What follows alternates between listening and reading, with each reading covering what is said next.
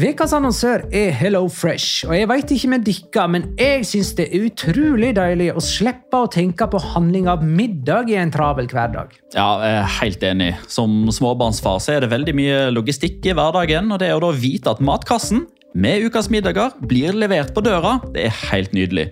Da slipper du impulskjøp på butikken når blodsukkeret er lavt, og når du kommer hjem, kan du bare ta ut posen med dagens ingredienser fra kjøleskapet og sette i gang matlaginga. Ja, Du kan velge mellom 25 ulike retter hver uke. Og de har faktisk en egen kategori som heter Raskt og enkelt, med masse enkle og gode oppskrifter. Veldig greit å ikke måtte ty til takeaway hver gang det er hektisk på jobb. Jeg gleder meg spesielt til sterk chilikylling i min neste kasse. Jeg blir sulten bare av å tenke på det. Ja, Det er ikke feil med bacon og cheeseburger heller, da. Og det som også er bra, er at matkassen koster det samme hver uke, som gjør det enklere å holde matbudsjettet. Ja, og så blir det ikke matsvinn heller, fordi du får akkurat det du trenger til hver eneste rett. Hello Fresh kan absolutt anbefales, og bruker du koden vår, LIGALOCA, kan du få opptil 1779 kroner i rabatt på de fem første matkastene hvis du ikke har prøvd Hello Fresh tidligere. Du kan også prøve koden hvis du har avslutta abonnementet ditt for tolv måneder siden eller mer. Gå inn på hellofresh.no og bruk koden LIGALOCA. Bon appétit! Hallo? Jeg kommer fra Oslo politikammer. Ine Jansen er purk. Er du purk? The motherfucking bitch. Alt jeg vil, er å finne ut hva som skjedde med mannen min. Jon Carew. Er jeg sikta for noe? Iben Akeli. Det er du. Ole So, Lars Berrum og Big Daddy Karsten. Hvem sin side er du på, egentlig? Anette Hoff, Tone Danielsen, Kommer du fra Afrika? Jørnis Josef, Nesten. Kløfta. Trond Espen Seim. Det er synd å si det, men det var feil mann som døde. Purk. Premiere tirsdag på TV2 Play.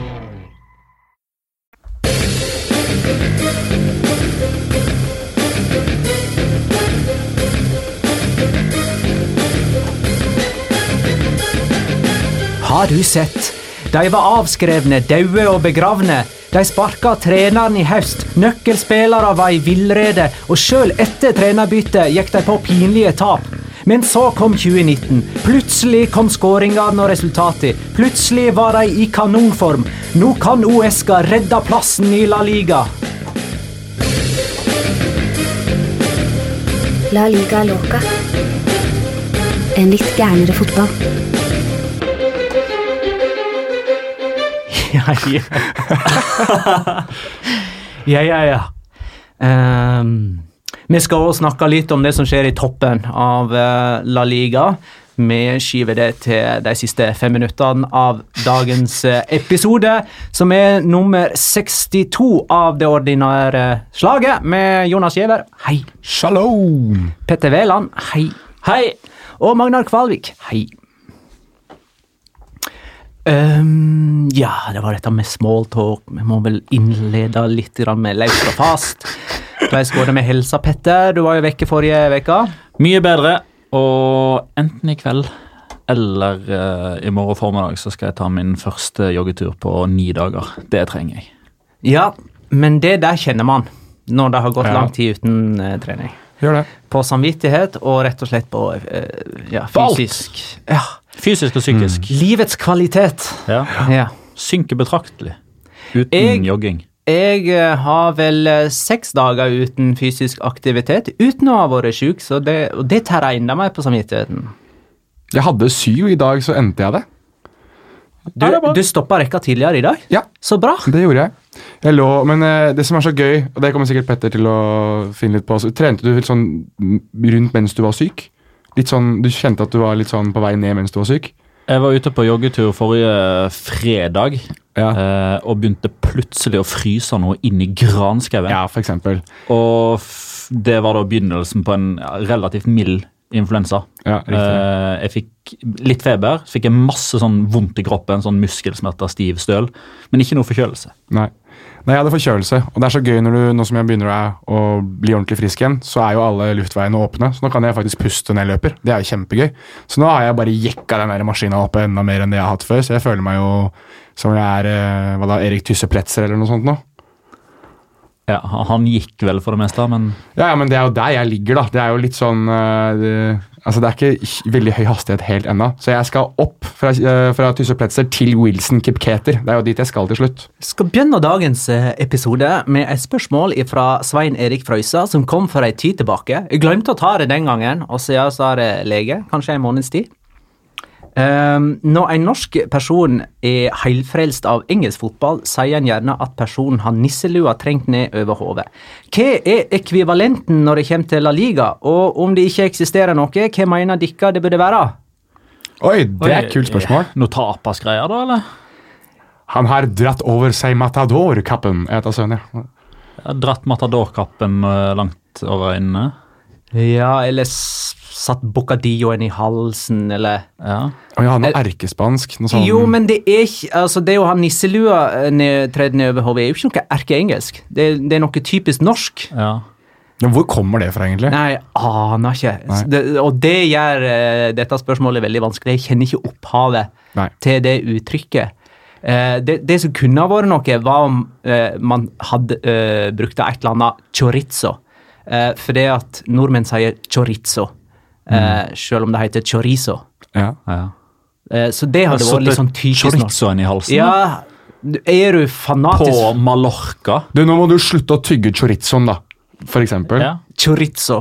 Eh, Ja. Et eller annet der, kanskje. Vi får sikkert noen forslag fra lyttere etter hvert. For eksempel hvis de gangene hvor Petter eller jeg eller du eller er veldig sånn på at alt spansk er best, for eksempel, så kan folk si at uh, vi, vi tygger chorizoen for mye. For eksempel. Ja, chorizoen på Tenerife eh, eller Mallorca. Jeg syns Tenerife er verst. Ja, det er jo feiluttalelse så du synger etter. Getaff har jeg jo hørt. Har du det? Ja. Ja, det er Så, grusomt. så et eller annet eh, som, eh, som uh, uttrykker svakhet uh, ved, ved det norske uh, må, man, må man nesten gå for, da. For det er vel det det nisseluebegrepet kommer av. Mest sannsynlig, da. Ja, den der er tricky. Det er et veldig, veldig godt spørsmål, Men syns jeg. Men vi som er ikke hva, heilfrelst av spansk fotball, vil òg gjerne ha et nedverdigende uttrykk uh, slengt etter oss. Så vi tar imot med. Kom med forslag. Jeg får som regel høre alle andre eh, begrep rundt, eh, rundt det. Og kan jeg få lov til å si mens vi, mens vi er litt på smalltalk her nå? Siste par helgene så har jeg, har jeg eh, blitt med venner på byen, blant annet. Og gud hjelpe meg om ikke mye jeg blir stoppet om dagen og blir fortalt hvor god podkasten vår er nå. Og at folk har lyst til å prate om podkasten på byen, og gjerne med litt innabords, selvfølgelig. Og det er jo superkoselig. Jeg husker ikke alle navnene, men det er i hvert fall fem-seks stykk som har stoppet meg for å stå og prate med meg om podkasten, og hvor bra det er at vi har dette tiltaket her. Det er kult. Jeg fikk en messengermelding tidligere i dag med streng beskjed om at uh, denne episoden her må komme ut mandag kveld. For da var det en som heter Kenneth. Han skal ut eh, og kjøre bil. Han skal på kjøretur. Ok, Og da måtte podkasten være klar. Når klokka? Eh, klokka 23. Å ja, men det burde gå. Eh, men det går vi inn for. Ja. Det, det må vi klare. Skal vi bønne, da? da? Kjør forsiktig. Kjør forsiktig eh, under vår samtale om eh, derby madrileño. Atletico eh, Madrid, Real Madrid 1-3. Casemiro skåra først for Real Madrid. Øh, jeg har skrevet Saul her, men eh, det var Grismann som utligna for Atletico. For Ramos skåra på straffe, og Bale kom inn og punkterte kampen. Um, Se nå, jeg har glemt å si at ja, dette er blant ting vi skal snakke om i dag. I tillegg skal vi kåre rundspiller og ha hver vår lokkora. Eh, vi må snakke om semifinalene i Copa del Rey. Det må vi. Eh, Sånne ting eh, må man ta tidlig. Det glemte jeg nå. Men uansett, da. Dette er andre runden på rad at Real Madrid er det eneste topp fire-laget som vinner. Ja. Første, Det er tredje gang disse to lagene møtes denne sesongen. Først vant Atletico i eh, Uefa Supercup. Så ble det uavgjort. Så vant Real Madrid. Og det er jo symptomatisk stigning eh, og skifte av roller for disse to lagene i løpet av sesongen. Nå er Real Madrid oppe på andreplass. Kan vi tro at de tar opp kampen nå med Barcelona? Ja, det har jo blitt vår, da. Begynner å bli litt friskere luft, litt varmere. Snøen smelter. Ikke så mye snø i Madrid, da, men snøen i Norge smelter. Eh, og da begynner Real Madrid å bruse med fjærene. Vi har sett det så mange ganger nå. Ja, men Er ikke det først og fremst i Champions League de gjør det, og ikke i La Liga? De har jo som regel vært kjørt ut av tittelracet allerede før vårsesongen begynner, med unntak av det året de vant La Liga. Så enten så er de med for fullt og klarer å gå hele veien inn, eller, eller så ødelegger de for seg selv på høsten ved å være ukonsentrerte og kanskje ikke så motiverte ja, altså, å være umotiverte og ikke så Uh, like flinke som Barcelona alltid er da, til å komme godt i gang. Uh, så jeg føler at Noen ganger så, så begynner man liksom å se den formstigninga i serie og, og uh, til dels i cupkampene i, i, januar og februar over en sånn fire-femårsperiode. Og så når de maksnivået i Champions League. Men det er klart at hvis de begynner å få blod på tann, hvis de begynner å kjenne lukten av gull etter å ha vært avskrevet av alle mann, da kan det vel tenkes at man kom i en posisjon eh, som man egentlig var i den sesongen de vant La Liga. Da ble liksom eh, For da hadde de vunnet La Decima, eh, og da var det en sånn generell konsensus i Madrid at ja, greit, nå har vi konkistert Europa, nå må vi ta tilbake tronen igjen i Spania. Mm. Jeg tror de kan komme litt inn på det sporet der òg, at utover våren nå så kan det kanskje bety hakket mer for de å vinne La Liga hvis de kjenner at det er mulig, mer enn det å vinne Champions League for fjerde gang. fordi det, det, kommer til å være stort uansett om de vinner for første gang eller 15. gang eller 44. gang på rad. Så vil det alltid være stort å vinne Champions League, men nå er det den eh, altså Du ser liksom bare det stikket som Pep Guardiola får lov til å sende retning Madrid, og når han får spørsmål om hvem har vært det beste laget i Europa de siste ti årene, og da sier han Barcelona, Juventus og Bayern München. For bare se hvor mange serietrofeer og cuptrofeer de har vunnet de siste årene. Han nevner ikke Real Madrid fordi de nesten aldri vinner La Liga. Nei, Det er ikke så mye å legge til her, egentlig. Men jeg kan jo ta det andre laget da, som spilte denne kampen her, Atletico Madrid. Og jeg satt for første gang sånn ordentlig med en litt sånn følelse av at det er, er vi på altså Det er veldig tidlig å si, men det, ser vi konturene av kanskje det uh, mesterlaget til, til, Diego Simione og det, det laget uh, som han har skapt, og den kulturen han har skapt. Er det, er det en lite grann på vei ned nå? Er det en sånn slags end of an era? Uh, følelse hvor de kanskje må gjøre veldig mye til sommeren da, for å prøve å finne nye ledere, finne nye figurer som kan steppe inn og, um, og ta, ta, en mer prominent rolle. Jeg synes spesielt at Godin den kampen her, han så gammel ut. altså. Han så ordentlig gammel ut. Han så ut som han ikke hadde lyst til å være ute på det etter en stund. Og Jimenez ble jagende rundt på Benzema. Nå sier jeg navnet hans, fordi jeg gidder ikke å si den franske spissen Han lenger. var ikke så god nå mot Atletico, Karim Benzema, Nei, at det er vår feil at han spilte Og det er ikke vår feil at han ikke var så god, for vi har holdt kjeft om han. Så nå, nå kan vi si ja, navnet hans. Ja. Men jeg syns Jimenez må, måtte gjøre mye av jobben for uh, Godin. Altså, han, han, er like sterk i luftrommet som alltid. Han er den han er i, i det fysiske.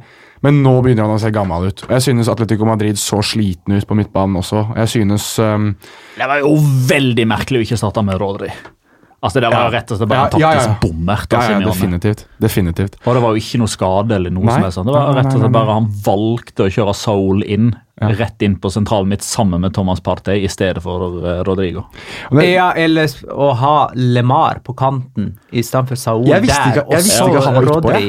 Unnskyld, jeg sier det. Jeg visste ikke at uh, Thomas LeMar var på banen engang. Det virker for meg som uh, Simione bare har et håp om at det snart skal løsne for han. Og bare, bare, ja, bare han gir han nok tillit, ja. så vil det løsne. Der, der virker det kanskje litt som at det er mer sånn klubbpolitisk avgjørelse, mm. mer enn at det er Simione sin, fordi han er den dyreste Atletico-spilleren gjennom tidene ja. by far. Det er litt sånn som med Gareth Bale under Angelotti. Uh, ja. Rett inn på laget etter tre måneder med skade. og Det er El Clásico, liksom. Ja, jeg, men jeg, oppriktig talt, jeg visste ikke at han var ute ut på banen der. Jeg var, fikk litt sånn Oi, er han der, ja? Uh, når kom han inn? Ja, når kom han inn? Nei, jeg, men jeg synes uh, jeg vet ikke om det kan være at de, at de, får litt igjen for at de gjorde det så dårlig på overgangs... Eller de spillerne de henta på sommeren, da, gjør det så dårlig. Um, at det er det som er grunnlaget for hvorfor det begynner å se litt sånn skralt ut innimellom. Men, men, uh, og så leverer ikke de store, viktige kamper lenger. De, de, de, leverer egentlig bare når, når de uten, uten press, egentlig. Ja. Og så synes jeg alltid at Atletico Madrid, i hvert fall i de kampene mot Real Madrid, da de vant, så hadde de alltid den aggressiviteten og den offensiviteten som eh, man gjenkjente mye i Atletico Madrid. Da, spesielt ved Diego Costa eh, syns jeg alltid ledet fra fronten. Og man ser forskjellen i Morata Costa i, i den biten der, og spesielt når ingenting absolutt ingenting går Alvaro Moratas vei i den kampen. Altså, var sånn stilstudie nesten i en spiller der du, du nesten sitter og synes synd på han, fordi at han vil så mye, men det bare går ikke. Alle avgjørelser går mot ham. Eh, hver gang han har ballen, så nesten uansett hva han gjør med den, blir det feil. Det, nei, det, det, det var vondt å se på. Men um, altså det kan hende at, eh, at du ikke nødvendigvis svarer 100% på din egen påstand akkurat nå med den uh, argumentasjonsrekka di, men Ja.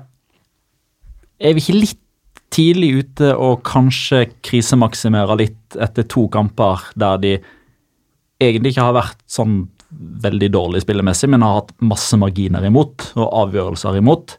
Ja, ja mulig. Mulig. Altså, hadde, de tapt liksom eh, helt greit etter spill og sjanser, at Ja. ikke hadde liksom, altså, at de- de var tamme, det var ikke noe innsats, eh, ingen gule kort, ikke noe tegn til frustrasjon, eh, masse likegyldighet, skapte ingen sjanser, Nei, altså, ikke mål. sånn, ja, Da- ja, da jo. hadde jeg vært sånn, som Atletico Madrid-supporter vært mer sånn eh, bekymra. Eh, hadde jeg vært Atletico Madrid-supporter nå, så hadde det kanskje vært eh, hakket mer forbanna. La meg, la meg vri det litt, da, for å, det jeg kanskje skulle mer inn på. At jeg ser konturene av et lag som må ha endring i, i hvem som er ledestjerne, hvem som skal gå først, hvem som man ser til når ting skorter imot. Eh, spillere som må, må steppe opp i litt større grad. Altså vi, vi har, her har vi snakket mye om for eksempel, om spillere som Angel Correa, da, for å ta en annen spiller. Han har man gått rundt og snakket om at det skal bli en stor stjerne til syvende og sist og bli en av de to-tre virkelige superstjernene i Atletico Madrid. Det skjer ikke, virker det som.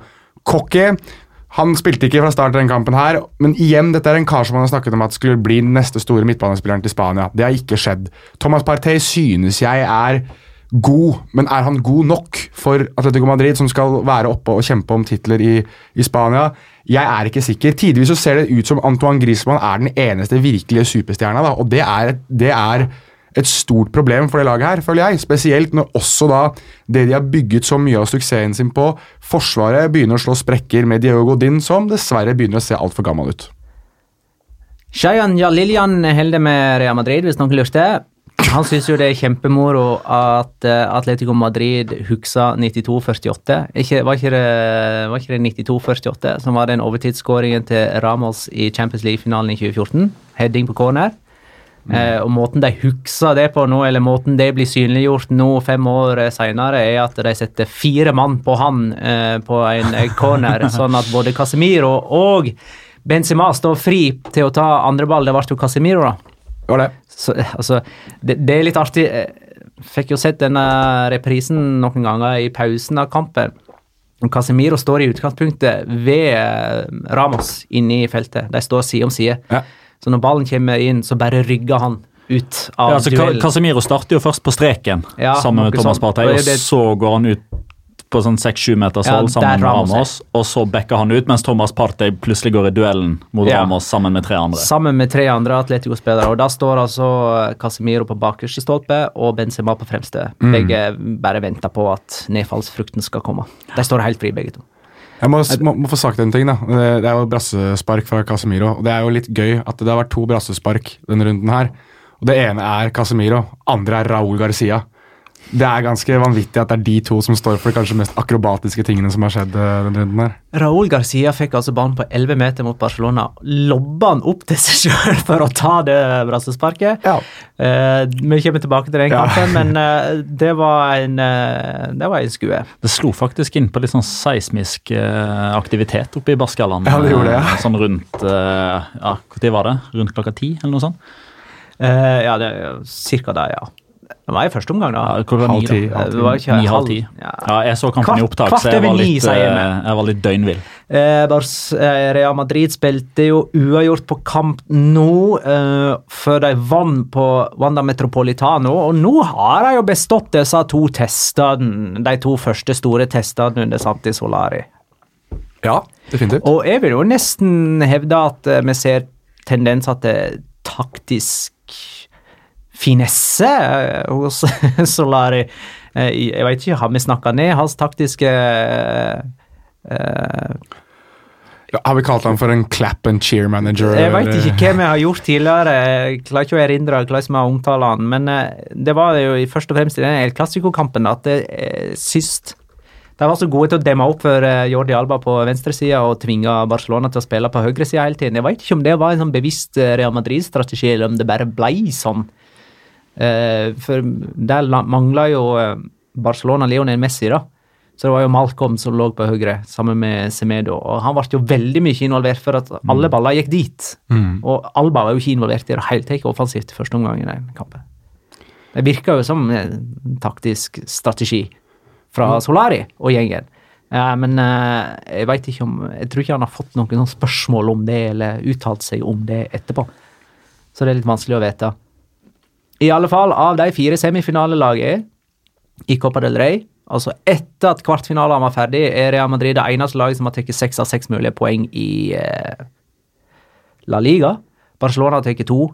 Sevilla, nei, Real Betis har vel én seier og ett tap. Valencia har to poeng òg. Ja. Så de virker jo veldig sterke nå, eh, Real Madrid. Møter Ajax allerede. Til, Mm.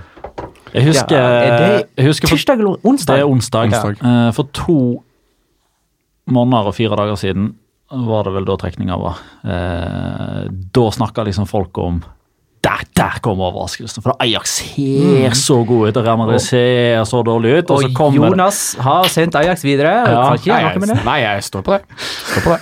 og så kommer jo den Kall det kjedelige og, og vanlige, den derre NB. Eh, Det er to måneder til kampen blir spilt. Eh, Hadde, hadde Champions League-oppgjørene vært i desember, da tror jeg faktisk jeg hadde satt meg på ryggen til Jonas og vært enig. Eh, Men nå altså Ajax taper mot Erakles, og eh, det ser ikke så Det ser ikke like lyst ut der nå. altså De vet allerede at Du skal ikke kimse av Herakles, er- altså. Nei, jeg skal jo tydeligvis ikke det, da. Eh, Men altså, dette forspranget til PSV øker jo bare, og eh, de Jong eh, skal bort. Det vet man jo allerede. Ja, ting forandrer seg mye på to måneder, altså. Det, det gjør det. Men kan, vi, men kan vi snakke om Hvis det er én spiller som det er verdt å snakke om over disse to oppgjørene her nå, føler jeg, da altså Venicius junior det, altså det, det, det her er Helt enig i det du skrev på Twitter, med unntak av én ting. Og det så jeg at det var veldig mange andre som avslutningsegenskapene hans. Ja. Jeg synes ikke han er så dum til å avslutte, jeg. Men det kan godt være at jeg eh, er litt for eh, Han har jo skåra på et skudd som går til kast. Det er Det er ikke det mange som klarer. Det er faktisk helt riktig. Det er kanskje en av de få gangene jeg ikke har malt fanden på veggen, men gjort, eh, gjort det litt uh, motsatte. Nei, Ja, jeg, jeg, jeg tenker at det er, liksom, det er det som gjenstår. ja, mulig. Når han får men dette, dette kom jo med alderen, med erfaringen, med prøving og feiling og, Mm. og det å kjenne medspillere og motspillere og alt det der. Men, men når han begynner å ta enda litt bedre valg Han er fryktelig god til det til å være tenåring. Han er langt framme i skoen, langt framme i utviklingsløpet der, i tillegg til både fart og fysikk og teknikk og alt dette her.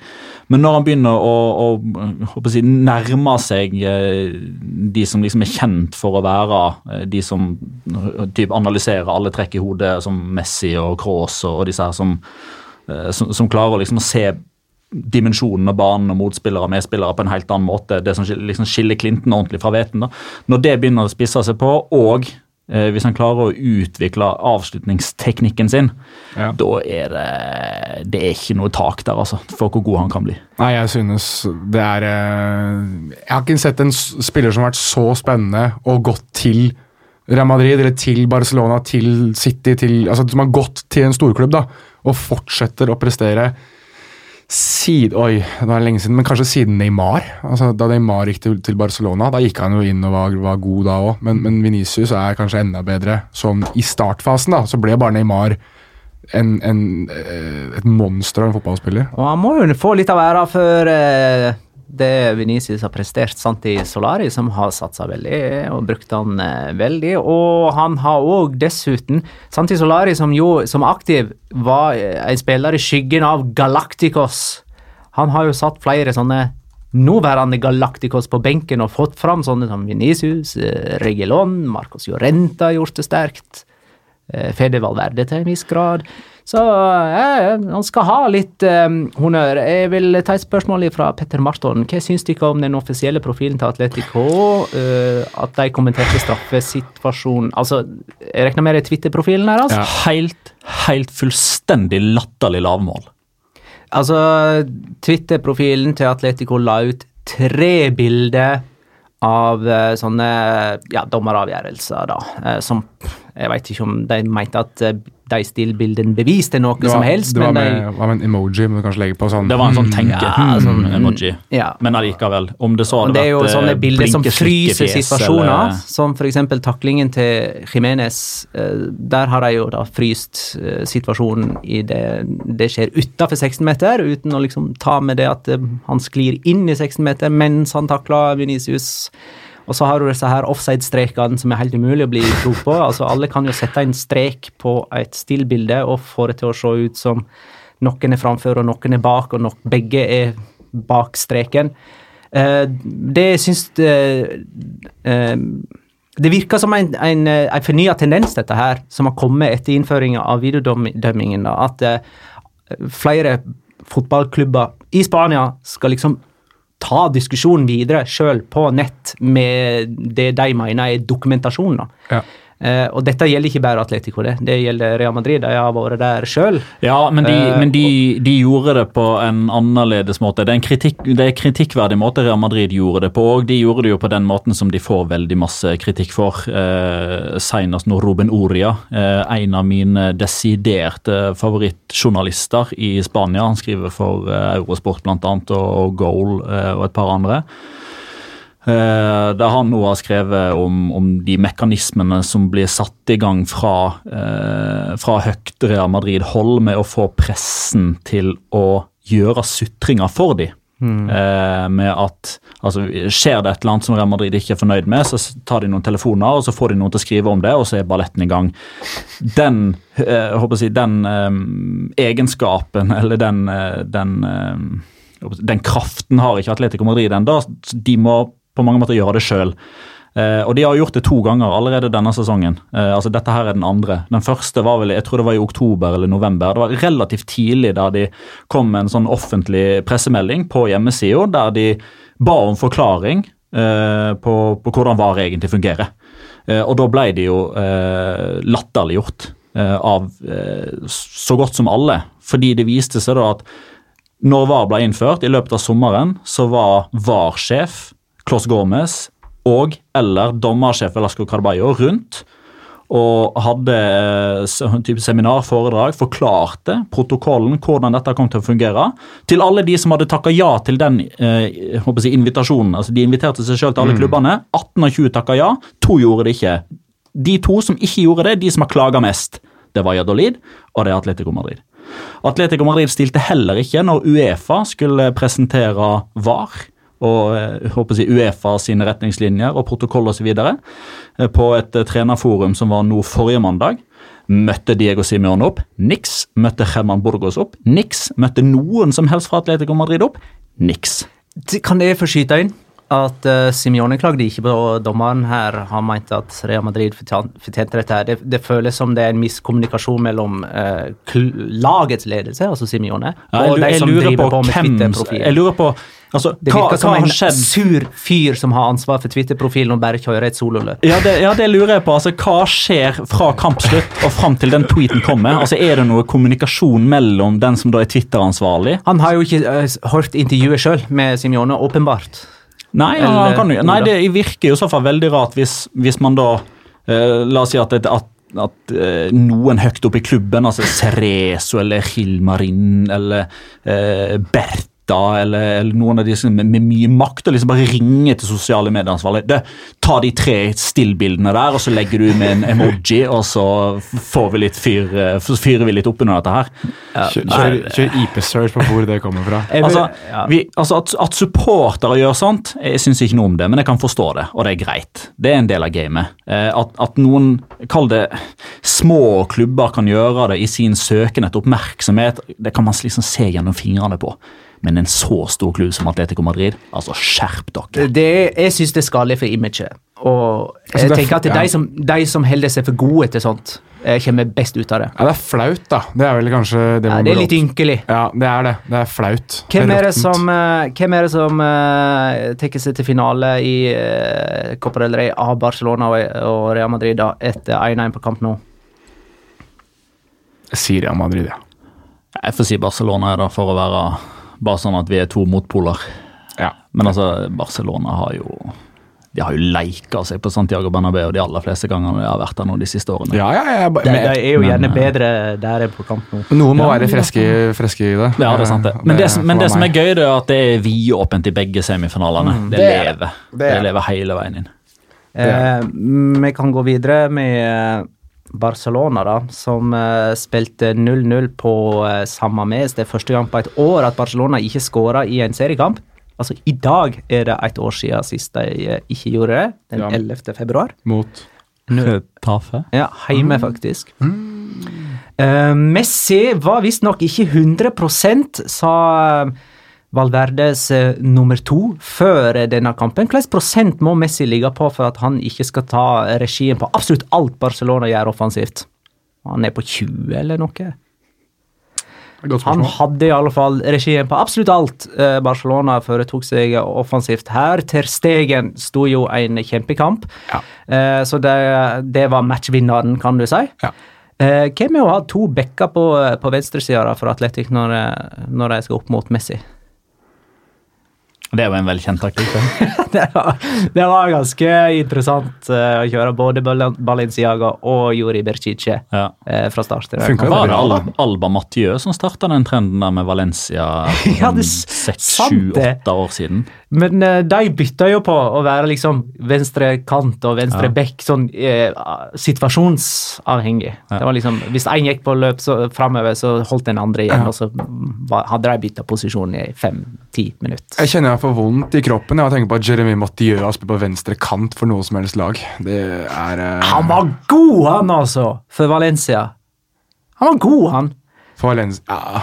Det var han. Han og Alba det var, det var pionerer på i, da, jeg, På sitt da, område. da vil jeg si at det gode er veldig Nei, han var god. Ja vel. Ja vel, Greit. Viljus Baltrukonis skriver Hei, jeg er Barca-fan. Jeg, Jeg sa ikke Bersa-fan. Eh, Det sa ikke jeg. Hei, jeg er Barcelona-fan, står det faktisk. Ja.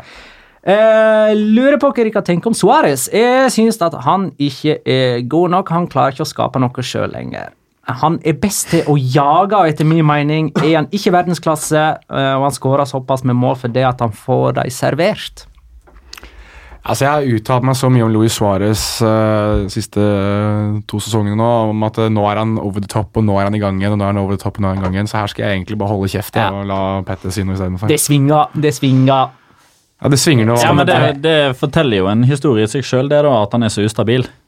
Jo, det gjør det jo. Eh, så spørs det liksom Altså, når Luis Suárez er på sitt beste Altså det, Man ser egentlig ganske tidlig i kampene om Luis Suárez uh, har en uh, on-dag eller off-dag. Og man ser ikke det på den første avslutninga eller det første touchet.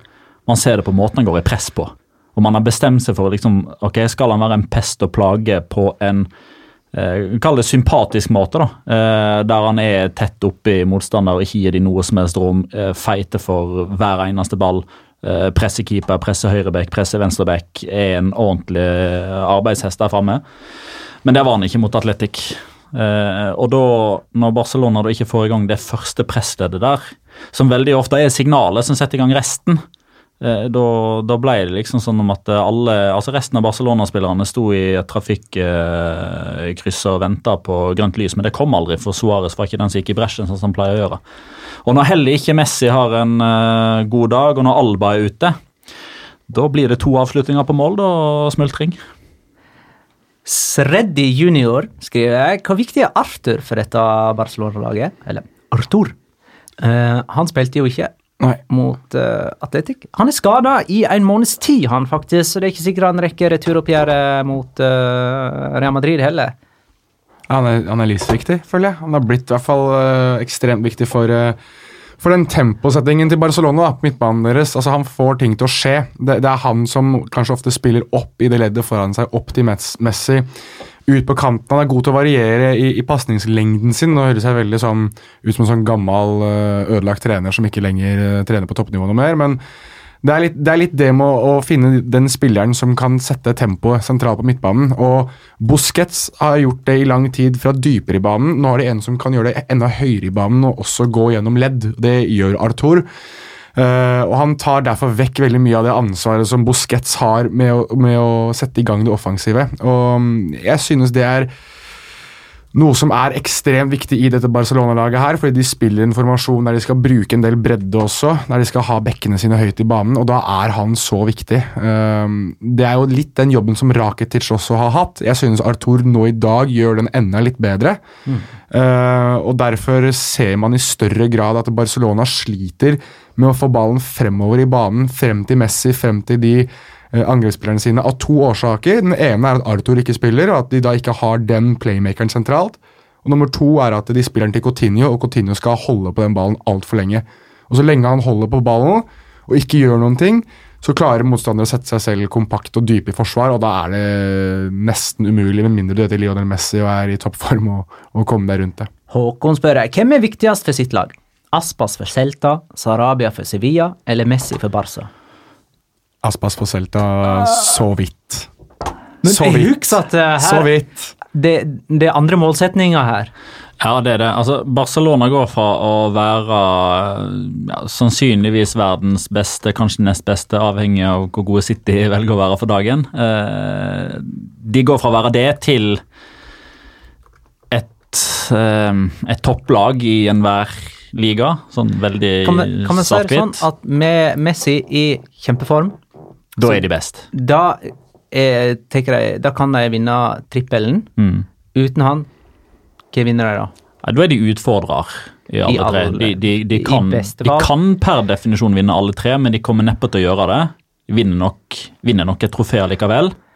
Selta derimot, med Aspas, skadefri, Europaligakandidat. Ja. Uten Aspas, nedrykkskandidat. Ja. Det er faktisk så ille, altså. Ja, det er det jeg Men mener. Det er ikke tull engang, det. Det er mitt, det, det er mitt poeng mm. rundt hvorfor jeg mener at Aspas er viktigere for Celta enn det Messi er for Barcelona. Jo, men altså, det er krise for Barcelona hvis de bare er en utfordrer i de tre ja, det er et perspektiv, mens, mens men, uh, for Celta Vigo så, De har jo vært i nedrykksstrid før og rykka ned sågar, for ikke så altfor lenge siden. Jo da, men det er full hvitt flagg å legge ned alt sammen uten, uh, uten uh, Aspas i det laget der. Altså. altså. Barcelona uten Messi så har du jo liksom Du har fortsatt gode fotballspillere der som, som til en viss grad fungerer sammen. og, og håper jeg, forsvinner Messi, så må de jo spille på en annen måte, og de har forutsetninger for å fortsatt være veldig gode. Mm -hmm. Når Aspas ikke er der i, i Celta, så er det en gjeng det en en Fulle høns? Fulle høns med bind for øynene og håndjern på, liksom. Ja, jeg, jeg, jeg synes at det er eh, Det er ikke mye. Det er ikke sånn der eh, Håndjern på vingen? Eller? Håndjern på vingene. Nei, på, på, på beina. Fotjern her, altså. Fotlenke. Fotlenke. Uh, et siste spørsmål om denne kampen. Uh, la Leo lokke. Hvem vinner smultringkampen mellom Oblak og Veggen? I, det vil si Terstegen. Dette er en Barcelona-supporter, hvis noen lurte. Uh, per nå Terstegen har ni smultringer i La Liga, Oblak elleve. Jeg sier Oblak, jeg, da. Oblak. Jeg tror jeg sier Oblak sjøl. Altså. Det var tre og tre, det. Ok, neimen eh, da skal vi snart uh, snakke om de to andre Copa del Rey-semifinalistene, uh, Valencia og Real Betis. Vi begynner med Valencia, som spilte 0-0 hjemme mot Real Sociedad eh, i eh, seriekampen denne helgen. Her sto det i grunn mellom uavgjort og uavgjort, og det ble uavgjort. Uh, La Leo Locca igjen. Hva er rekorden for uavgjort for ett lag i La Liga? Er Valencia på god vei til å slå den? De har altså 13 uavgjort nå på 23 kamper, og det er på tide å stille det spørsmålet, kjenner jeg. Rekorden, rekorden er 18 eller 19. Det er Deportivo ja, som har den. For de hadde masse sånn der 0-0 og sånt, sånn som Valencia har. Ja, var, det, var det under Lotina, eller? ja. ja. Altså, de, de har... det er, er blanda med noe med antall kamper de spilte uten å score?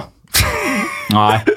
Nei, fordi For de hadde, helt, de hadde altså, kjempemange Bedrito Numeros har jo hatt uh, sånn statistikker fortløpende her med uh, altså Valencia har spilt så og så mange uavgjort etter så og så mange serierunder, og så har han sammenligna det med, med, tidligere, og de har vært foran skjema hele veien. Altså Valencia mm. er foran skjema, mm. og da, jeg mener fast bestemt at det er Deportivo med 18 eller 19 eller noe sånt. Ja, men det stemmer nok. Og dette er ikke så lenge siden. Det er sånn 11-12-sesongen eller der omkring. Ja. Um, Sjekker du, eller skal jeg gjøre det? Gjør det, du. De spilte altså eh, 2-2 på Benito Via Marin i uh, Copa del Reys første semifinale Valencia. Real Betis uh, kom til eh, La Liga igjen etter den kampen med et 3-0-tap i Madrid, dvs. Si mot eh, Leganes. Hvorfor, hvorfor smiler jeg litt ekstra når du sier Sivert Van Morik skriver i den Ja, anledning. han det. marokkanske spissen til Ja. Leganes er i fyr og flamme om dagen og sender dem kun tre poeng bak europaplass. Mm. Det er bare verdens femte beste spiller som har vært på samme nivå så langt i 2019. Mm. er, har jinxingen til Magnar endelig tatt slutt? Svaret er ja. Hat trick altså på Josef N. Nesiri. Nei. Jo! Nei. Jo! Nei. Jo! Nei. Jo! Nei. Jo! Nei. Jo, speil for evig alltid. Han Ja, der, to. du vant, Jonas. Du var kjapt ute med den. Jeg vet Ah, ikke hva ok, du så- sa engang. Ok, Så er det en scoring der som ikke Nei, jeg kan, det jeg kan si, jeg, jeg har sett den igjen nå. Jeg, det, jeg synes det er vanskelig å se. Uh, På den aller første, altså i, i re, real time, ikke reprise av noe som helst, klokkeklart på vei utenfor. nei, jeg synes jeg, enten, Den ser ut som du er på vei mot stolpen, og da går den enten inn eller ut. Så det er, men jeg, jeg, Hvis den går i stolpen, så er ikke det et skudd på mål. Ja, jeg teller det som mål uansett, jeg. Det er eh, la, la Skal ikke gi han fire i samme slenge da, mens du er i gang. Jo, vi kan godt gjøre det. Det er helt greit for meg, det. det jo, bedre, jo flere, jo bedre. Men jeg, jeg synes uansett at det er, eh, det er eh, veldig gøy å være norsk-marokkaner eh, og stor La Liga-entusiast denne uka her. Ja. Eh, selvfølgelig, fordi Josef Enesri er jo altså, Han kommer jo aldri til å ha en sånn uke som han har hatt nå. Altså, han har om er fem mål på to kamper, eller noe sånt. Han har seks mål på de siste tre seriekampene. Ja. Eventuelt fem mål på Fem. de tre. Og et framprovosert selvmål.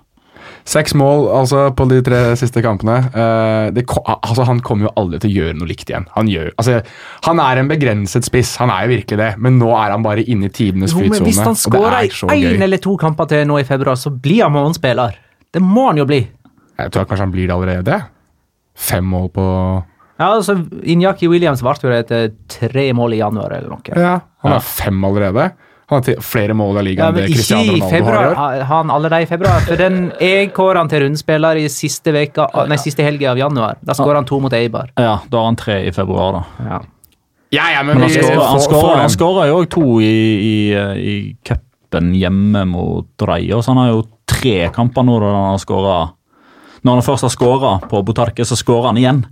Altså det er enten to eller ingenting.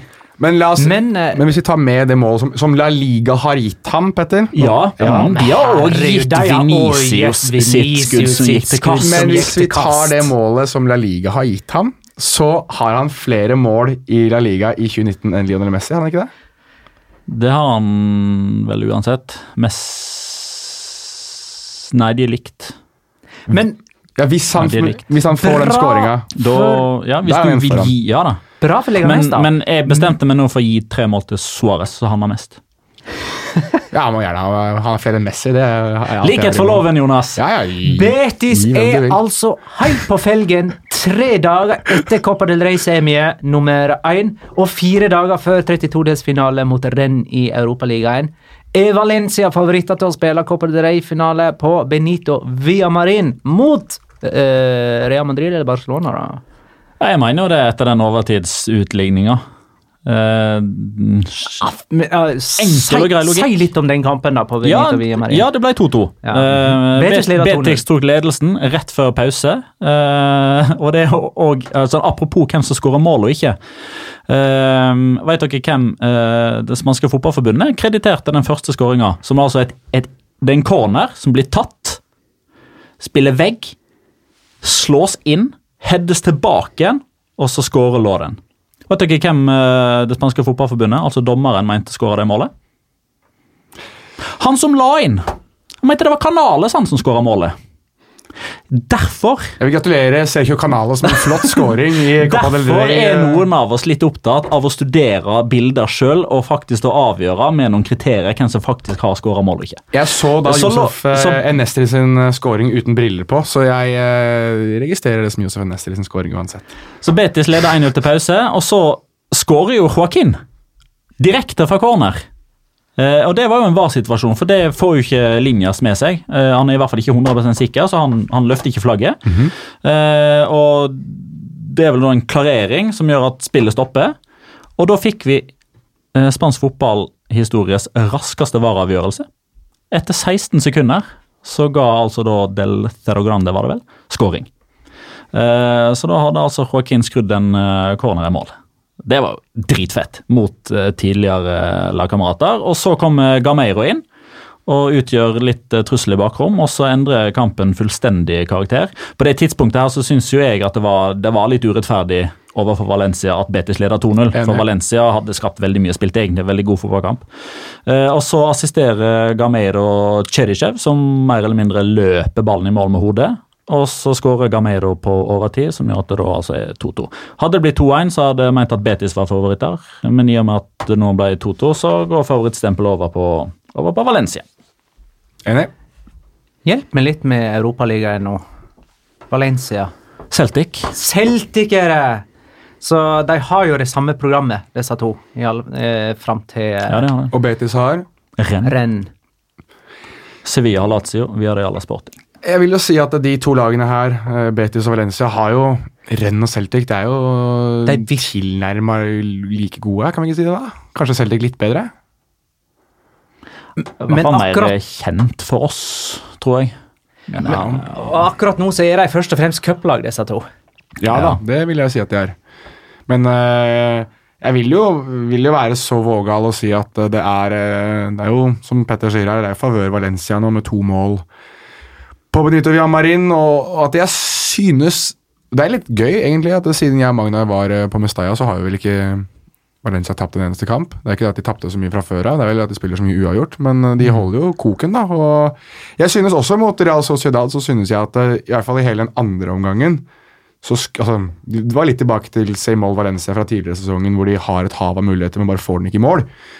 Eh, men det er eh, stadig bedring i, i det laget, og jeg, det er et eller annet som Kanskje det har kommet litt vind i seilene der igjen. da, at Jeg tror eh, hvis de får en finale, enten det er mot Madrid eller Barcelona, så kan det jo være uh, plutselig det at vi sitter og snakker om det laget som, som jeg Jeg, ikke oss, jeg hadde lyst til å sette på andreplass i La Liga, kan potensielt sett se tilbake på en sesong der de har spilt Copa del Rey-finale. Og det må jo Selv om de kanskje ikke skulle vinne den, da, så synes jeg at det er en, eh, en I hvert fall et positivt punkt da, i en, i, en, eh, i en karriere, i en sesong som egentlig har vært ganske skuffende for Valencias del. Hittil. 18 uavgjorte i 2015-2016, Deportivo. Det var så seint. 15-16-sesongen, faktisk. Hva trener da? Det var ikke det Lotina. Det var Nei, det var ikke. det Lotina. Det kan ha vært han eh, unge uh, Victor Sanchez Delamo som fikk fyken, og så kom kanskje Pepe Mellin. Noe Eh, sånt. Pep Mel. Det er bare ett poeng mellom Real Betis og Valencia på eh, tabellen for øvrig. Eh, Valencia er nummer åtte. Det er seks poeng opp til fjerdeplassen for Valencia. Det, det er liksom ikke helt umulig, det der heller. Eh, Men eh, Victor Sanchez Delamo satt hele sesongen, faktisk. uansett, vi tar resten av runden nå. Det gjør vi. Valladolid via Real 0-0. Eh, Håkon spør når blir Calleja sparka og eh, Luis Garcia plasser henta inn igjen. Jeg tror det er Håkon som har ulike varianter av disse via Real-spørsmålene hver gang, og jeg blir altså aldri lei. Jeg tar alle sammen. Nei, jeg blir ikke lei, jeg heller. ikke i det hele tatt. Um, men dere vet at det har kun skjedd to ganger i La Liga-historien at en klubb har henta tilbake en, en trener som har blitt sparka tidligere i sesongen. Det har skjedd én gang før. Villarreal gjorde det nå. Valencia gjorde det på midten av 90-tallet. Vet dere hvem som var president i Valencia da? Jorente? Broren til Roj. Oi! Så det er altså en Yes. ting En ting har skjedd i La Liga-historien to ganger, og avgjørelsene er tatt av to brødre. Den, eh, det er en fun fact. Mm, det er en fact, iallfall. Mm. Jeg vet ikke om den er så fun. jeg. Da, da Luis Garcia Plaza tok over via Real i desember, starta han med tre strake uavgjort i La Liga. Nå har den reansatte Javi Calleja starta med to uavgjorte, og neste helg møter de Sevilla til ny poengdeling på La Ceramica. Español reier Vallecano 2-1. Españols andre seier på de siste tolv seriekampene. Borja Iglesias skåra på straffe og er oppe i tosifra. Darderismo. Det var kult, altså. Den eh, på slutten der, spe Ja. spesielt etter VAR-situasjonen eh, før. Ja, ja. Tenk, da. Darderismo er et kult begrep.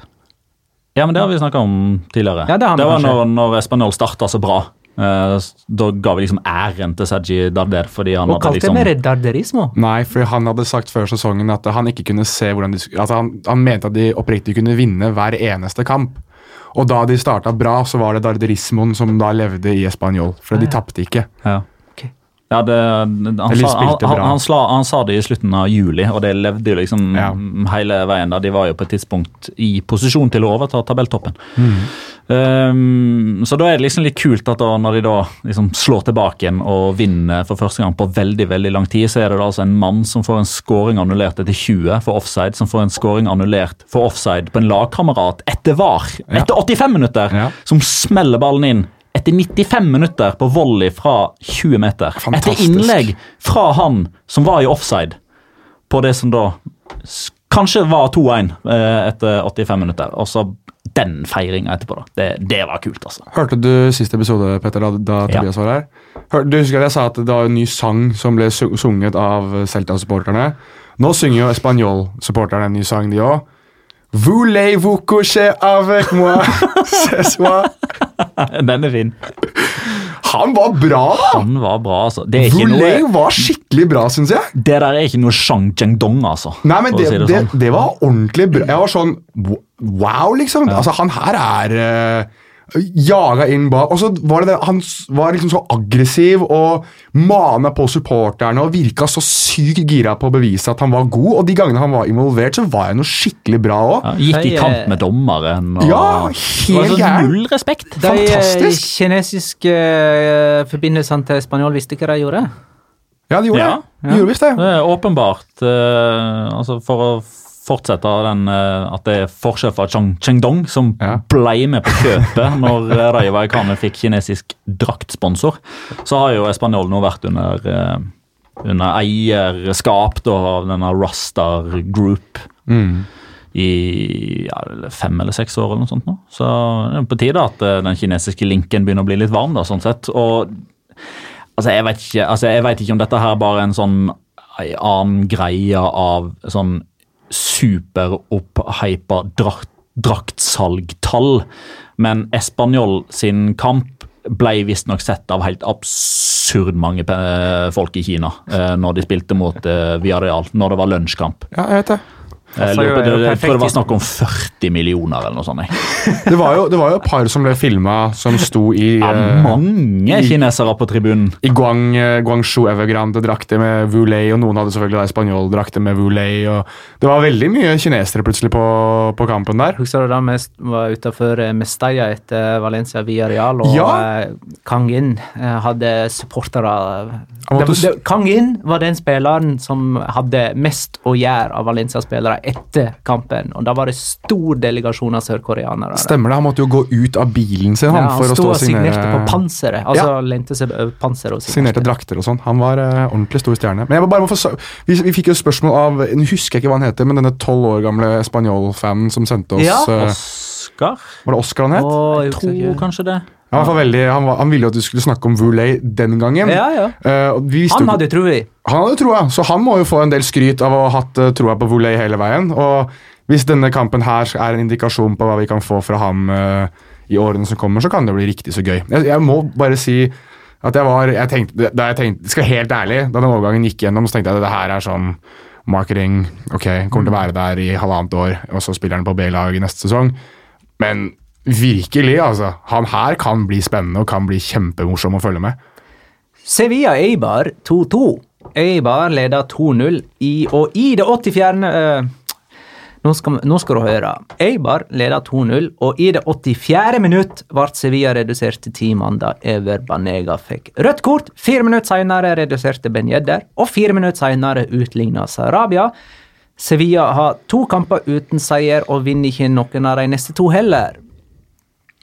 Oppskriften er tydeligvis at Eva Banega må få offside for det Nei, for offside, så jeg, får rødt kort før, han, eh, før noe skjer i det Sevilla-laget. Åpenbart.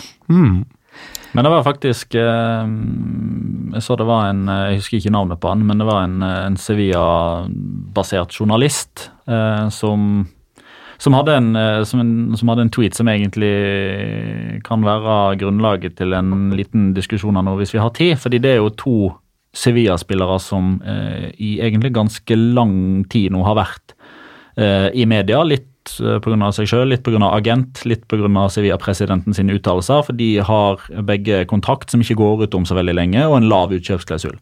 Banega og Sarabia. Um, og alle Sevilla-supportere har jo sterke meninger. Eh, Altså, jeg tror kanskje Sevilla-supporterne er de som mener ting sterkest eh, i Spania. Eh, superenkel forskning eh, viser det. Um, og, og han hadde en, egentlig en ganske fin tweet som oppsummerte liksom hvordan Sevilla-supporterne tenker liksom rundt de der, basert på kampen mot eh, eh, mot Eibar. Fordi Banega er allerede en av de som er best betalt i Sevilla, men han vil ha mer. Eh, Sarabia er på nedre halvdel eh, internt i Sevilla, og han bør jo ha veldig mye mer. Eh, Banega mister huet og blir utvist og holder på å tape kampen, eller i hvert fall ødelegge muligheten for å komme tilbake igjen. Sarabia er den som redder poenget med skåring og målgiverne etter at Banega blir utvist. Banega blir pepa av banen. Sarabia blir hylla etter kamp. Så der er det altså vi, vi har jo vært eh, Vi har snakka ganske mye om Sevilla denne sesongen med, med Banega, som har vært kjempegod, men som òg har litt disse dryppene iblant. Mens, ja Du, han er fra, han er fra Argentina. tjuk, tjuk! Det er plass på toget! Ja, nettopp. Hva, hva er det du vil diskutere eksakt? Hva er det du tenker at eh, er temaet her? Jeg tror diskusjonen er ferdig. Diskusjonen er ferdig. Jeg diskuterte med meg sjøl. Oh, ja. Girona Uesca 02.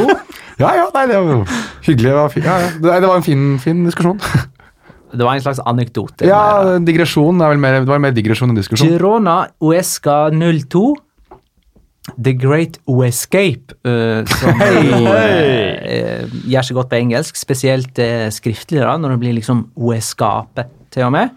Um, to seire på rad, med 6-0 i målforskjell på OSK. Uesca. Tre smultringer på rad, dessuten. De er to poeng bak Via Real. Det er fremdeles seks poeng opp til trygg eh, grunn, men det var ti poeng for tre runder siden for OSK. Abrahamsen spør Tror dere på en redningsaksjon? Jeg, på et tidspunkt så gjorde jeg jo det, for jeg syns de spilte så bra. Eh, til å være tabelljumbo. Syns de hadde masse utur og kamper der de var bedre enn motstanderen. F.eks. Real Madrid og Retafe og Levante og Villarreal. Det var rekka på fire kamper på, på LK der. Der jeg syns de hadde vært bedre enn motstanderen i alle fire, men ikke vant noen av de. Vært uheldig med med Deriblant den ene av de to situasjonene der man har hatt eh, dommer som har blåst for offside før ballen har gått i mål, og så har det blitt skåringer likevel. Eh, den ene gikk jo imot Oesca der. Eh, straffebonanzaen mot Viadial, eh, vant skuddstatistikken mot Real Madrid og utligning på overtid mot eh, for, for Retafe. Og Da følte jeg at ja, men de er bedre enn Raven, som de ser på, på, på travspråket. Eh, men, men etter det så syns jeg at det begynte å, å se litt uh, lost ut, egentlig. Det var litt sånn motivasjonsløse. Men de gjorde en tilsynelatende en, en meget god jobb på slutten av overgangsvinduet. Juan Pianjor var jo helt strålende. Eh, måten han klarte å, å, å beholde altså de, de, de har egentlig hatt en sånn type i David Ferreiro, men han har vært ute på venstrekanten, så han har blitt litt låst. og litt mangel på alternativer. Men Juanpi han bevegde på seg hele tida. Han starta sentralt, gikk ofte ut til venstre, var ute til høyre når, uh, når 0-2-skåringa kom. Um, Cocho Hernandez begynner å se spennende ut igjen, sånn som han gjorde på begynnelsen av sesongen. Jeg synes han sleit veldig i november og desember. Kanskje hadde vi litt for store forhåpninger litt for tidlig, men nå begynner han å se veldig bra ut igjen. Chimi Avila skårer mål. Enrik Gallego, som kom inn fra Extremadura, har jo tatt uh, nivået i La Liga uh, umiddelbart. Uh, Adrian Dieges kom inn, og Pablo Insua ødela kneet sitt før pause. og var veldig solid. Så det virker som at de gjorde veldig mye riktig i den siste fasen av overgangsvinduet. og Keeper Santa Maria var også god. ja, Santa. Maria har vært det egentlig altså De starta jo med Werner, og Ja. han er jo ikke i klubben lenger. Så eh, forsøkte de Jovanovic, det funka ikke. Og så Nei. var det Santa Maria som fikk La Liga-debuten i en alder av 32, som, Ja. som er veldig bra og har holdt nullen i tre kamper bra nå. Men til forskjell for lag som altså Granada for to sesonger siden, Cordoba for fire sesonger siden, Malaga forrige sesong, Las Palmas forrige sesong, lag som lå dønn sist og egentlig var avskrevet, hadde òg masse aktivitet i januarvinduet. Terminerte kontrakter og terminerte leieavtaler og henta inn seks-sju mann de siste to-tre dagene av overgangsvinduet. og Det ble jo bare kaos. Og Eska gjorde det samme nå, men det virker som at de har truffet langt bedre. Skal vi ta og eh, tippe litt eh, på det som kommer? Det som gjenstår nå, er tipping, rundens spiller og Locora. Får jeg lov til å ta en statistikk bare før du på det andre laget som spilte den kampen her? Ja, Girona der, altså. Tallet er ti. Ti kamper har gått nå hvor uh, Girona ikke har vunnet. Altså det er uh, fire uavgjort og seks tap. Uh, de har ikke vunnet en kamp siden Skal jeg få det riktig her? Spanjol borte.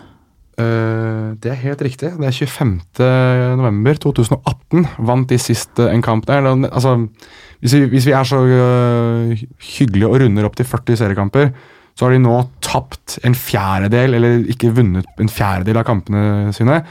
Trenere har blitt sparket for mindre enn det, altså. Og Girona ligger vel nå på 17.-plass i La Liga. Altså, de ligger par eller poeng over nedrykk eller noe sånt. Ett poeng, ja. ja det, altså, det er, du så Six Streams? På Prime. Ja, ja, ja. ja, Eh, Jeg fikk, ja, du, og du, ja. dere begge så det. Eh, fikk ikke dere inntrykket av Kiki Karsel, altså sportsdirektøren til Girona, som en sånn type som eh, i hvert fall når vi fulgte han underveis i kampene, var veldig sånn Uh, nei, dette går til helvete. Mm. Uh, nei, dette klarer vi ikke. Altså, han, han slår meg som en type som fort kan gå opp til, til presidenten nå, uh, hvis det ikke blir seier i neste kamp, og si sånn altså, det, det, Nå må vi gjøre et eller annet, altså. Ja. Jeg tror Eusebio sitter ganske altså, langt ute på stolkanten. Altså veldig nevrotisk ut i forbindelse med kamper, i alle fall. Ja, han gjorde det. Nei, jeg tror, jeg tror ja, i, i, kategorien trenere som ikke er trenere i La Liga lenger, så tror jeg han snart Trenere som fortsatt er trenere i La Liga? Ja, men hvis vi lager en ny en, trenere som ikke er trenere i La Liga Snart, liksom. Ja. Men uh, kan ikke Jeg ror meg i land her, ok? Var det Eirik Sandum som uh, hadde sånn fast Har Mitchell fått sparken ennå? Ja, det kan være. Bare bytte ut Nietzsche med Eusebio. Ja. Eusebio, Jeg skjøt jo veldig av han i høst. Han uh, gjorde det bedre med Girona innledningsvis enn det Pablo Machin hadde gjort året tidligere. Og Girona lå dessuten over Eusebio Sakristans gamle klubb Real Sociedad. Uh, sånn er ikke det lenger. Uh, verken eller. Men nå skal vi tippe.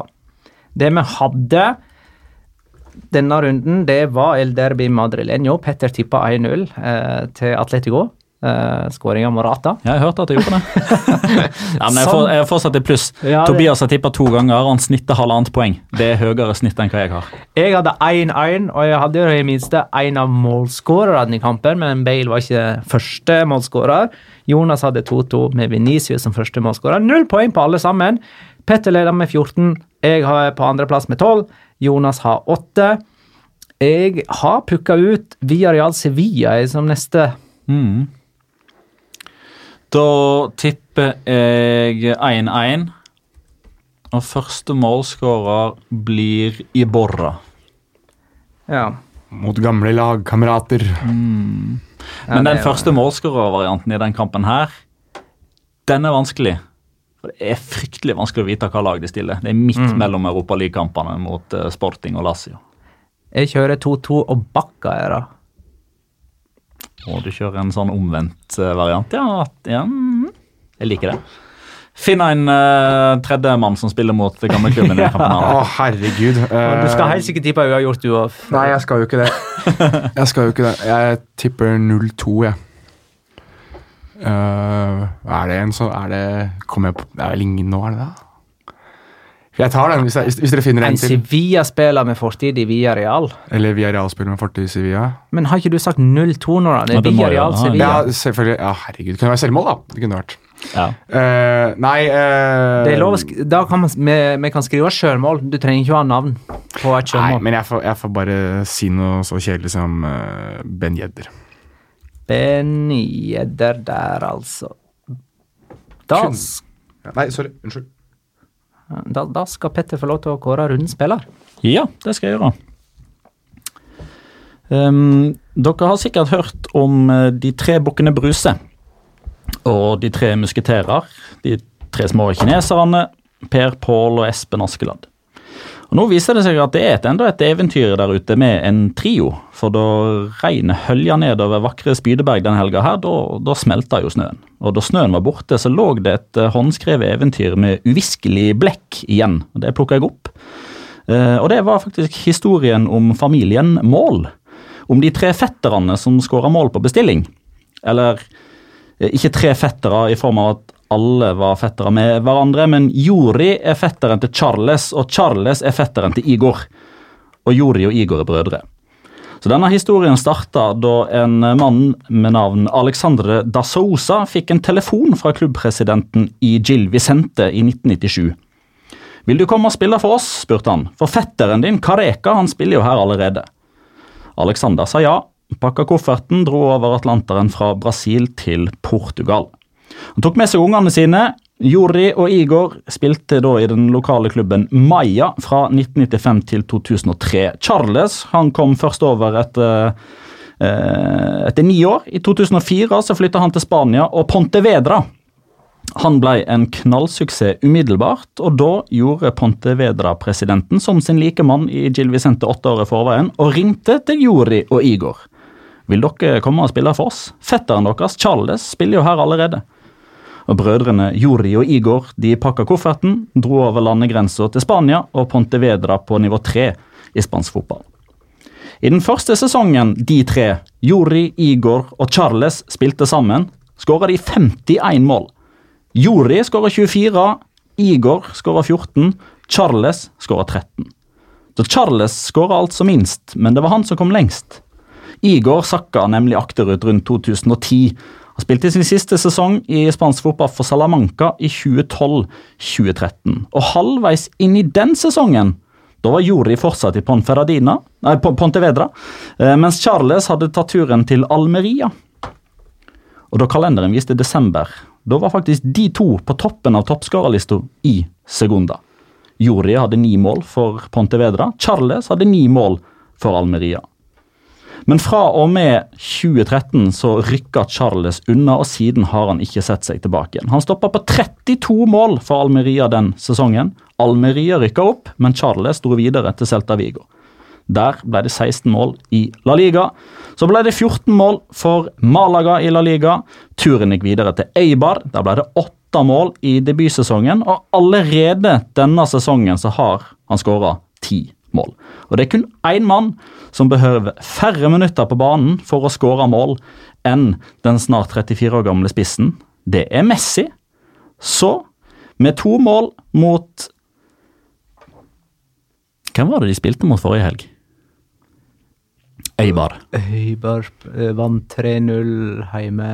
Mot Det chippa, Han chippa over Girona. Girona. Girona. Med to mål mot Girona og ett mål mot Sevilla. Nå så er han altså oppe på tosifra for første gang i La Liga-historien i en alder av 34. Og med det så er ikke Igor, ikke Jori, men Charles ukens spiller. Yay. Oi! Hadde det blitt Josef Nestri hvis ikke Hvis han ikke hadde blitt tatt allerede, så hadde det nok blitt Josef Nestri. Jeg blir så glad. Jeg er så jeg tror dette er det gladeste jeg har vært noen gang i en La Liga Loca-episode. Tror jeg. Da er det tid for Locora! Ukens La Liga Locura. Locura. Locura. Locura. La Liga Locura. Ja, du um, Det er jo Jeg kan godt begynne nå. Det kan du godt. Det, det er en kamp vi ikke har snakket om nemlig Chetaffe Celta Vigo, som endte 3-1.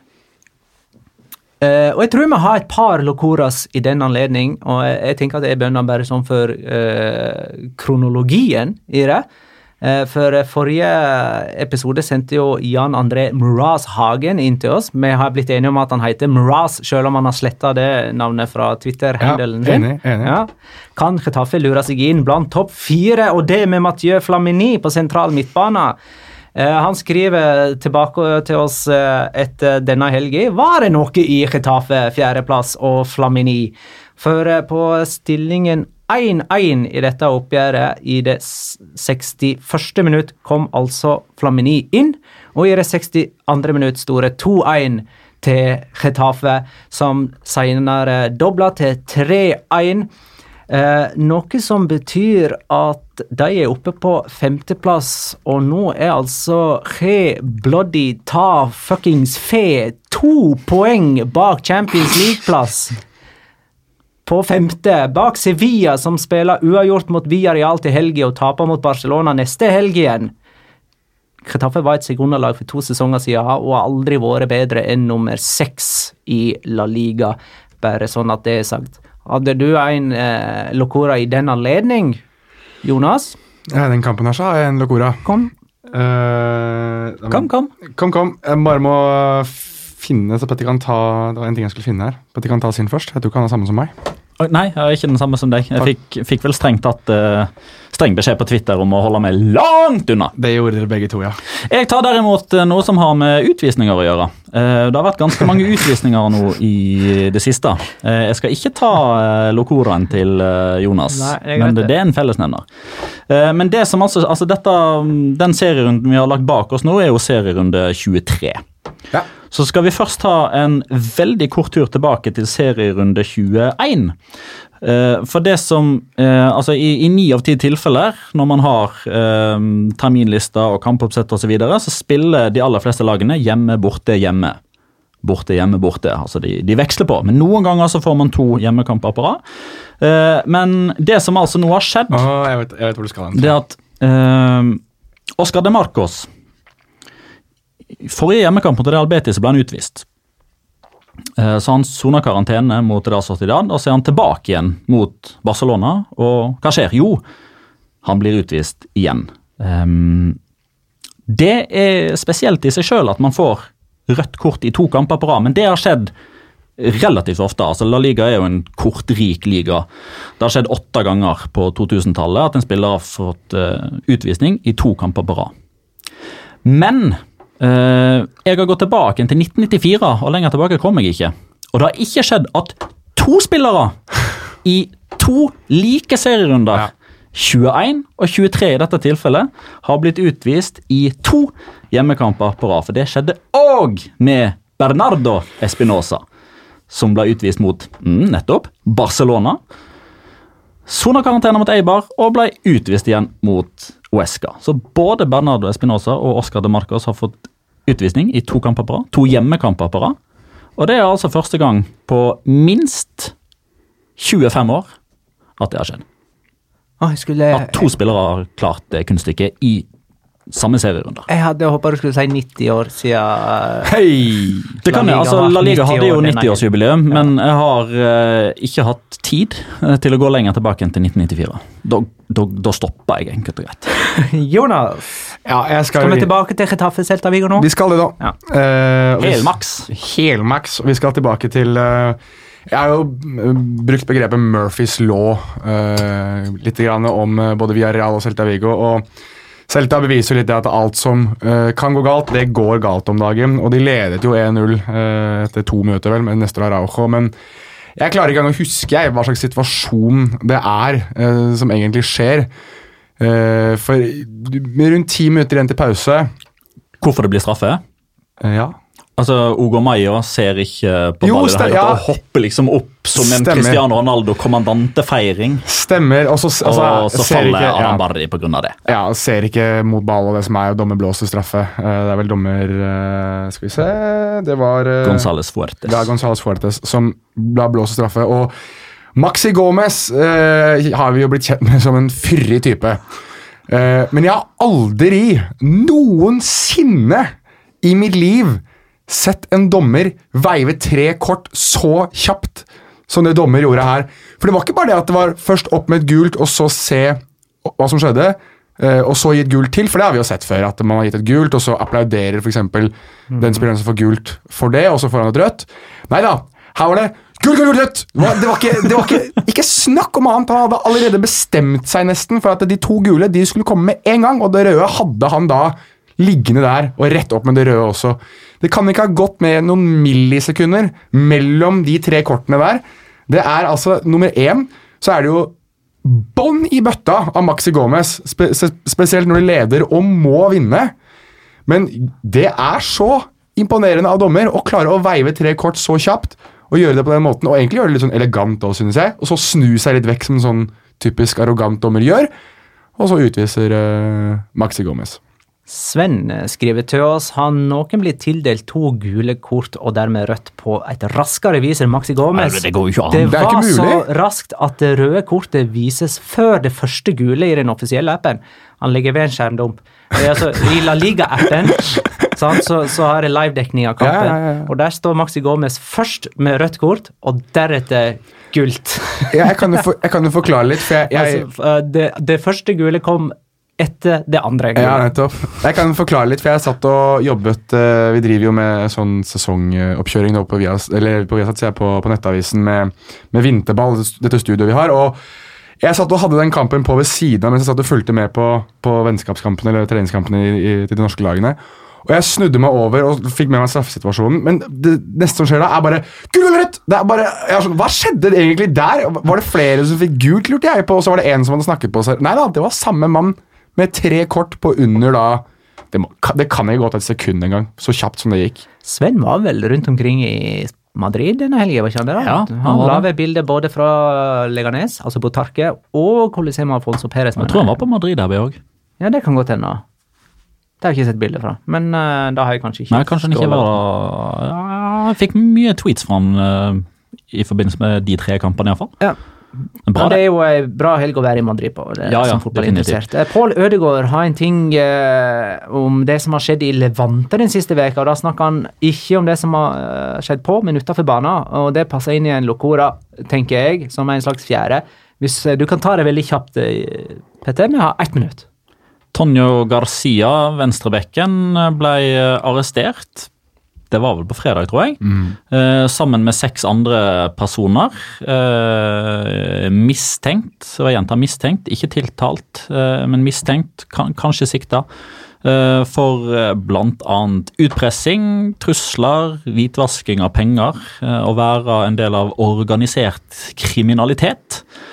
Um, ja, jeg har ikke mer å si om den Nei, men Det var saken. bra. Det var bare 30 sekunder. Kan, kan jeg ta den virkelige lokoraen i den tweeten til Pål Ødegaard? Han fant det ut da han skulle sende datteren sin på skitur. Han bor i Valencia. Skulle i Pyreneene. Ja, Han sto vel utafor det som heter Ciotat de Valencia da han eh, fikk den nyheten der. Og, Folk et løp, eller annet- sprang inn og ut av stadion der, så så veldig stressa ut, visstnok. Ja, ja, men da Kan jeg få ta en, en siste ting? Ja, kom. Veldig kjapt. Kom, kom. Um, Atletic Barca endte jo eh, 0-0. Eh, det har jo ikke skjedd siden 1996. Den kampen At de spilte 0-0? På San Mames. Oh, ja. Altså Atletic Barcelona har ikke endt 0-0 Mhm. siden 1996. Okay. Altså Det har skjedd to ganger de siste 23 årene. Vet ikke hvem som spilte i den 0-0-kampen uh, i 96? Er det vært det? Mm, det kan hende, men det er ikke han jeg er ute etter. Det var han jeg hadde på tunga òg. Um, Medikodro. ja! Pappaen til Kenan Kodro, som Han debuterte for for Barcelona, Atletic i går. by the way. Ja. Sant? Mm. Så der, ja. Og Sonas debuterte for Atletic i går. Mm. Så, så, så, det- så det er der har du en slektskap-greien igjen. Du har brødre som uh, sparker og ansetter en trener to ganger i løpet Ja, av og en så har du fettere Og og brødre som ja. skårer masse mål i Pontevedra. Og så har du Yes. den her, og så hadde du også den der Marcos Alonso, far og sønn, som begge debuterte for det spanske landslaget i samme kalendermåned på Wembley mot England, eller et eller annet sånt. Ja, stemmer. Men da Lobbyismen lenge leve. passer det å gi seg. Eh, da takker jeg for alle spørsmål og innspill fra eh, våre trofaste lyttere. Takk for at du lytta, kjære lytter. Ha det, da.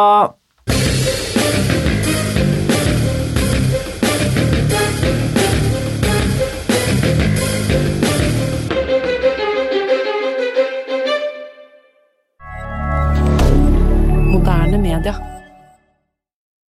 Har du et enkeltpersonforetak eller en liten bedrift? Da er du sikkert lei av å høre meg snakke om hvor enkelt det er med kvitteringer og bilag i fiken, så vi eh, gir oss her, vi.